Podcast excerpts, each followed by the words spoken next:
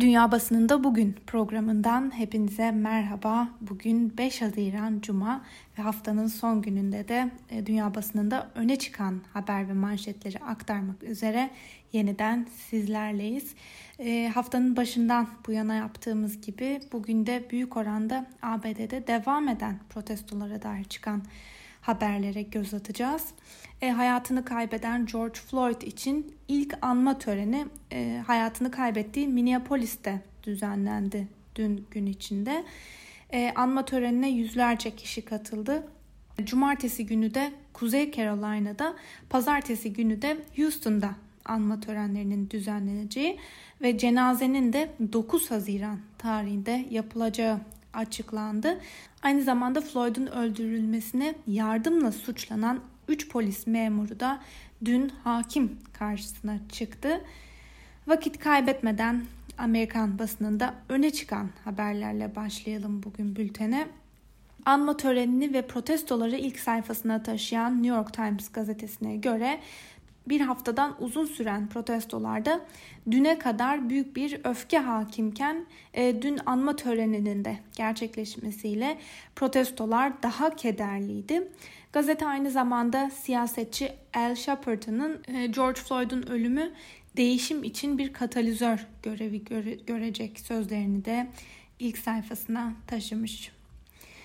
Ee, öte yandan New York Times gazetesi bugün yine dikkat çeken bir analize yer vermiş ilk sayfasında ve buna göre Trump ve ordu arasındaki karşılıklı işbirliği anlayışının çözülebileceği belirtiliyor.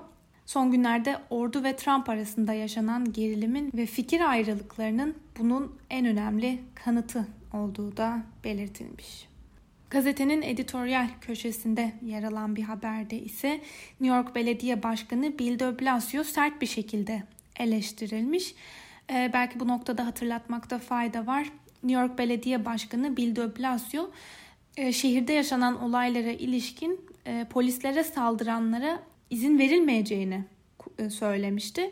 Ve New York'ta pazartesi gecesi uygulanacağı duyurulan sokağa çıkma yasağı da pazar gününe kadar uzatılmıştı. Ve bugün New York Times gazetesinde yer alan Blasio aç artık gözlerini başlıklı habere göre polisin kontrolden çıktığı belirtilirken halkına hizmet vermek ve onları korumak bu şekilde yapılmaz denilerek Blasio eleştirilmiş. Sıradaki haberimize geçelim. ABD'de 3 Kasım'da yapılması planlanan başkanlık seçimlerinde Trump'ın potansiyel rakibi Demokratların adayı Joe Biden gibi gözüküyor. Koronavirüs nedeniyle seçim kampanyalarına ara vermiş olan Joe Biden protestoların başlamasıyla e, bunu kendi lehine çevirebileceğini düşünerek e, seçim çalışmalarını yeniden hızlandırmıştı. E, hatta geçtiğimiz günlerde Independent'tan aktardığımız bir haberle Biden'ın yardımcısını değiştirebileceği hatta siyahi bir yardımcı seçebileceğini aktarmıştık. Ancak bugün New York Times'ta yer alan habere göre bazı demokratlar Biden'ın ekibinin ağırlıklı olarak beyazlardan oluşuyor olması konusunda endişeliler. Biden siyahileri de ekibine katmaya çalışsa da müttefikleri farklı görüşlerin, e, farklı etnisiteden insanların olmamasının ağır bir bedeli olabileceği konusunda Biden'ı uyarıyorlar. Ve yine New York Times'tan e, bu kez Elliot Ackerman ise bugünkü yazısında polisin de çözümün bir parçası olacağını savunmuş. E, Washington Post gazetesinde öne çıkan haberlere geçmeden önce New York Times gazetesinin yaptığı bir açıklamayı da sizlere aktaralım. E, New York Times gazetesinin Cumhuriyetçi Senatör Tom Cotton tarafından kaleme alınan ve göstericilere karşı şiddet kullanma çağrısı yapan karşı görüş yazısında yazısına sayfalarında yer vermesi eleştirilere neden olmuştu. Gazeteyi eleştirenler arasında e, gazetenin kendi çalışanları da yer alıyordu. Konuya ilişkin bir açıklama yapan gazete yazıdaki fikirlerin e, yazara ait olduğunu söyleyerek kendi editoryal politikalarını yansıtmadığını açıkladı. E, Washington Post gazetesi bugün yine dikkat çeken bir analize yer verdi. Protestoların büyümesiyle beraber Beyaz Saray'ın etrafına e, daha yüksek, daha kuvvetli teller çevrildi. Washington Post gazetesinin ilk sayfasında da bugün bu fotoğraf paylaşılmış. E, ve bu arttırılan güvenlik önlemleri de e, şu ifadelerle analiz edilmiş. Beyaz Saray'ın sıkı korunan bir kaleye dönüştürülmesi Trump'ın destekçileri tarafından destekleniyor ve önemli bir güç gösterisi olarak kabul ediliyor. Ancak Trump'ın muhaliflerine göre e, bu tam tersine ciddi bir zayıflık ve korku belirtisi denmiş. E, Beyaz Saray'ın etrafı o kadar iyi korunuyor ki e, bu monarşik sarayları veya otoriter sistemleri anımsatıyor ve ortaya çıkan tablo son derece politik ifadelerine yer verilmiş. Öte yandan özellikle dünden beri gündemde olan eski savunma bakanının sözlerine ilişkin bir haber paylaşılmış. ABD'nin eski savunma bakanı Jim Mattis Trump'ı bölücü olmakla eleştirmişti ve bugün Washington Post'ta yer alan habere göre Mattis'in Trump'ı sert bir dille eleştirmiş olması Cumhuriyetçileri taraf seçmeye zorlama noktasına kadar getirdi. Mattis'in bu sert eleştirilerinden sonra bir süre sessiz kalmayı tercih eden Cumhuriyetçiler çareyi suçu medyaya yüklemekle yüklemekte buldu ve buna göre Cumhuriyetçiler medyayı tartışmayı alevlendirmekle suçlayarak Başkan Trump için destek çağrısında bulundular. Ee, yine gazeteden Michelle Williams ve Jeffrey Sanchez ise bugün ırkçılık siyahileri hasta eder hatta öldürür başlıklı bir yazıyı kaleme almışlar. Öbür taraftan Michael Miller imzalı e, ve seslerini duyurmak için yalvarıyorlar başlıklı bir haberde ise genç protestocuların polis barikatları karşısında durarak polislere yalvararak taleplerini anlatmaya çalıştıkları bir fotoğraf paylaşılmış. Eugene Robinson ise bugünkü yazısında genel kanaatin aksine Trump'ın tutumuyla yani birleştirici değil ayrıştırıcı adımlar atıyor olmasıyla Amerikalıları kendisine karşı olacakları şekilde birleştirdiğini yazmış. Bu yorumun ardından e, Voice of America'da yer alan birkaç haberi de sizlere aktaralım. Protestolar değişim talebinin yansıması başlıklı habere göre Uluslararası Şiddetsiz Çatışma Merkezi uzmanlarından Hardy Merriman'a göre ırkçılığa dair şikayetler geçmişte birçok kez dillendirildi ancak yeterli ilerleme kaydedilememişti. Merriman bu yüzden Floyd'un ölümünün tetikleyici olduğunu söyledi. Merriman aynı zamanda Amerika'da sivil haklar hareketinin, işçi hakları hareketinin, kadınların oy kullanma hakkı hareketinin gibi eylemlerin e, sivil itaatsizlik, protestolar, boykotlar ve diğer şiddet içermeyen eylemlerle elde, elde edildiğini ve bu sayede Amerika'da birçok ilerleme kaydedildiğini de söylüyor. ABD Adalet Bakanı dış mihrakları suçladı başlıklı bir diğer habere göre. ABD Adalet Bakanı William Barr ülke genelinde düzenlenen George Floyd protestoları ve gösterileri sırasında yaşanan şiddet olaylarıyla bağlantılı olarak 51 kişinin gözaltına alındığını açıkladı. Barr aynı zamanda yabancı aktörlerin protestoları alevlendirmeye çalıştığını da söyledi. Köleliği savunan ayrılıkçı komutanın heykeli kaldırılıyor başlıklı bir diğer habere göre ABD'nin Virginia eyaletinin valisi iç savaş döneminde ayrılıkçı konfederasyon ordusunun komutanı olan General Robert Lee'nin heykelinin kaldırılacağını açıkladı.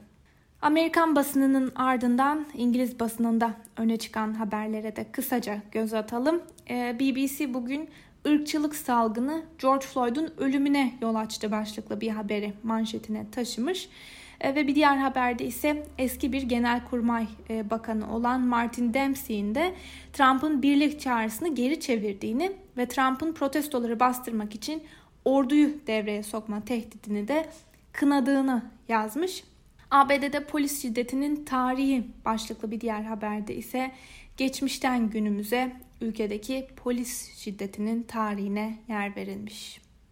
The Guardian gazetesi bugün de yine ilk sayfasında devam eden protestolara yer vermiş ve sivil hak savunucularının Trump'ı dava etmesini manşetine taşımış.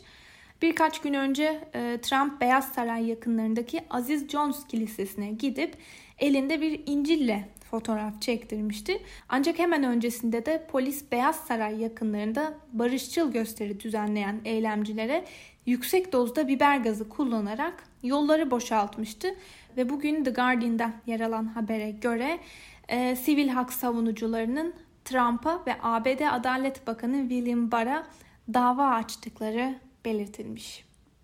The Guardian'da yer alan birkaç yorumu da sizlere aktaralım.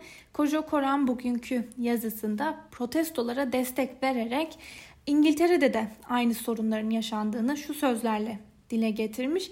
Sistematik ırkçılık ve polis şiddeti İngilizlerin de sorunu. Yine The Guardian'dan çok benzer bir noktaya değinen Afua Hirsch ise bugünkü yazısında şu ifadelere yer vermiş. Yaşananlar sadece Amerika'daki bir takım korkunç hadiseler değil, İngiltere'deki siyahi insanlar da çok iyi biliyor ki e, burada da aynı sorun var ve bu sorunun da burada çözülmesi gerekiyor. Independent gazetesinde yer alan birkaç yorumla devam edelim. James Moore'un bugünkü yazısına göre ırkçılığı ayakta tutan kurumlar bir iki çürük elmanın atılmasıyla durdurulamaz. Karşımızda sinsi, tehlikeli ve her yere sirayet etmiş bir canavar var. Sosyal medyada ve haberde münferit hadiselere dikkat çekildiğini görüyoruz. Ancak meselenin kökeninde yatan neden daha nadir tartışma konusu olabiliyor ifadelerine yer vermiş. Benan Kepsutlu da bugün Independent için bir yazı kaleme almış. Trump'ın oyları artıyor başlıklı yazının satır başlarını sizlere aktaralım. George Floyd'un öldürülmesi renkten ötürü yaşanan eşitsizliği görünür kılarak pandeminin daha da hissettirdiği ekonomik eşitsizlik duygusunu dışa vurdu. Aslında ABD Başkanı Trump 2019 yılının sonuna kadar ülke ekonomisini iyi götürüyordu ama Amerika bunu bir dönem değil her daim istiyor. Şu an ülkedeki 5 Amerikalıdan biri işsizlik başvurusu yapıyor. Bugünlerde çoğu görüş Trump'ın seçimleri kaybedeceği yönünde. Ben ise yaşanan her şeye rağmen tam aksine düşünüyorum. Kasım'daki Amerikan başkanlığı seçimleri için Cumhuriyetçilerin adayı Donald Trump iken e, Demokratlarınki de Joe Biden. Peki seçime giden ve rakibi her açıdan sıkışan bir partinin başkan adayı olan Joe Biden şimdi nerede? Bu sürede Biden'ın evinden yaptığı sadece birkaç yazılı açıklamaya ve bir iki de röportaja denk gelindi. Tuhaf değil mi? Hele ki en saldırgan olması gereken şu dönemde yani Biden seçimi şimdiden kaybetmiş gibi gözüküyor. Merkezi Washington olan Morning Consult araştırma ve medya şirketinin son araştırmasına göre yaşananlar sonucunda e, önceki seçimlerde aldığı oy oranının çok daha altına düşmesi gereken Trump'ın oyları hazırlanan rapora göre %1 artmış görünüyor. Halktaki yoksunluk hissi bir yere kadar siyaset agresifliği seviyor ifadelerine yer verilmiş yazıda. Bu haberlerin ardından Alman basınından Deutsche Welle'de öne çıkan birkaç haberi de sizlere aktaralım. Deutsche Welle bugün ABD Adalet Bakanı'nın gündem olan sözlerini gündemine taşımış. Habere göre ABD Adalet Bakanı William Barr ülkenin dört bir yanını saran protestolardaki şiddet olaylarında yabancı aktörlerin rolü olduğunu öne sürdü. Barr provokatörlerin toplumdaki ayrıştırmayı derinleştirmeye çalıştığını söyledi. Öte yandan Almanya'nın gündeminde olan ve ABD'deki protestolardan bağımsız birkaç haberi de sizlere kısaca aktaralım. Almanya'da hükümet pandemiden etkilenen ekonominin canlanması için 130 milyar euroluk yeni bir teşvik paketi üzerinde anlaştı. Hükümet daha önce 1 trilyon euroyu aşan teşvik paketlerini de hayata geçirmişti. Ve bir diğer habere göre ise Almanya Başbakanı Angela Merkel ZDF televizyonunda soruları yanıtlarken kesinlikle bir daha aday olmayacağını açıkladı.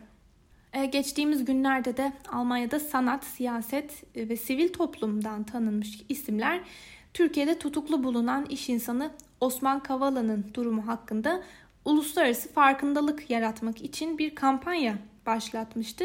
Ve bu kampanyaya bir destek de Michael Roth'tan geldi. Alman Devlet Bakanı Michael Roth, Osman Kavala'yı serbest e, bırakma çağrısı yaptı ve aynı zamanda Türkiye'yi uluslararası yükümlülüklerini ihlal ettiği gerekçesiyle de uyardı.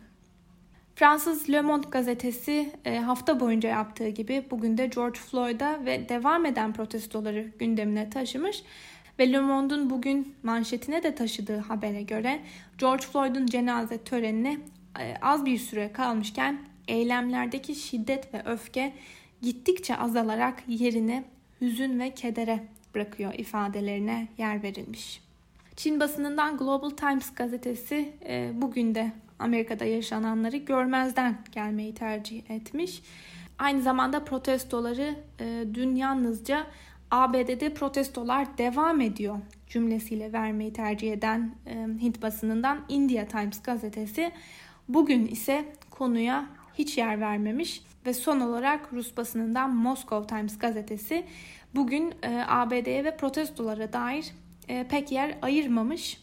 Ancak Ilya Klishin bugünkü yazısında Rusların evlerde toplanarak Amerika'daki protestoları izlediklerini yazmış ve yaptığı analize göre Ruslar George Floyd'un ölümünden ziyade kitlesel protestoların ve şiddetli eylemlerin paylaşılan görüntülerinden etkileniyorlar.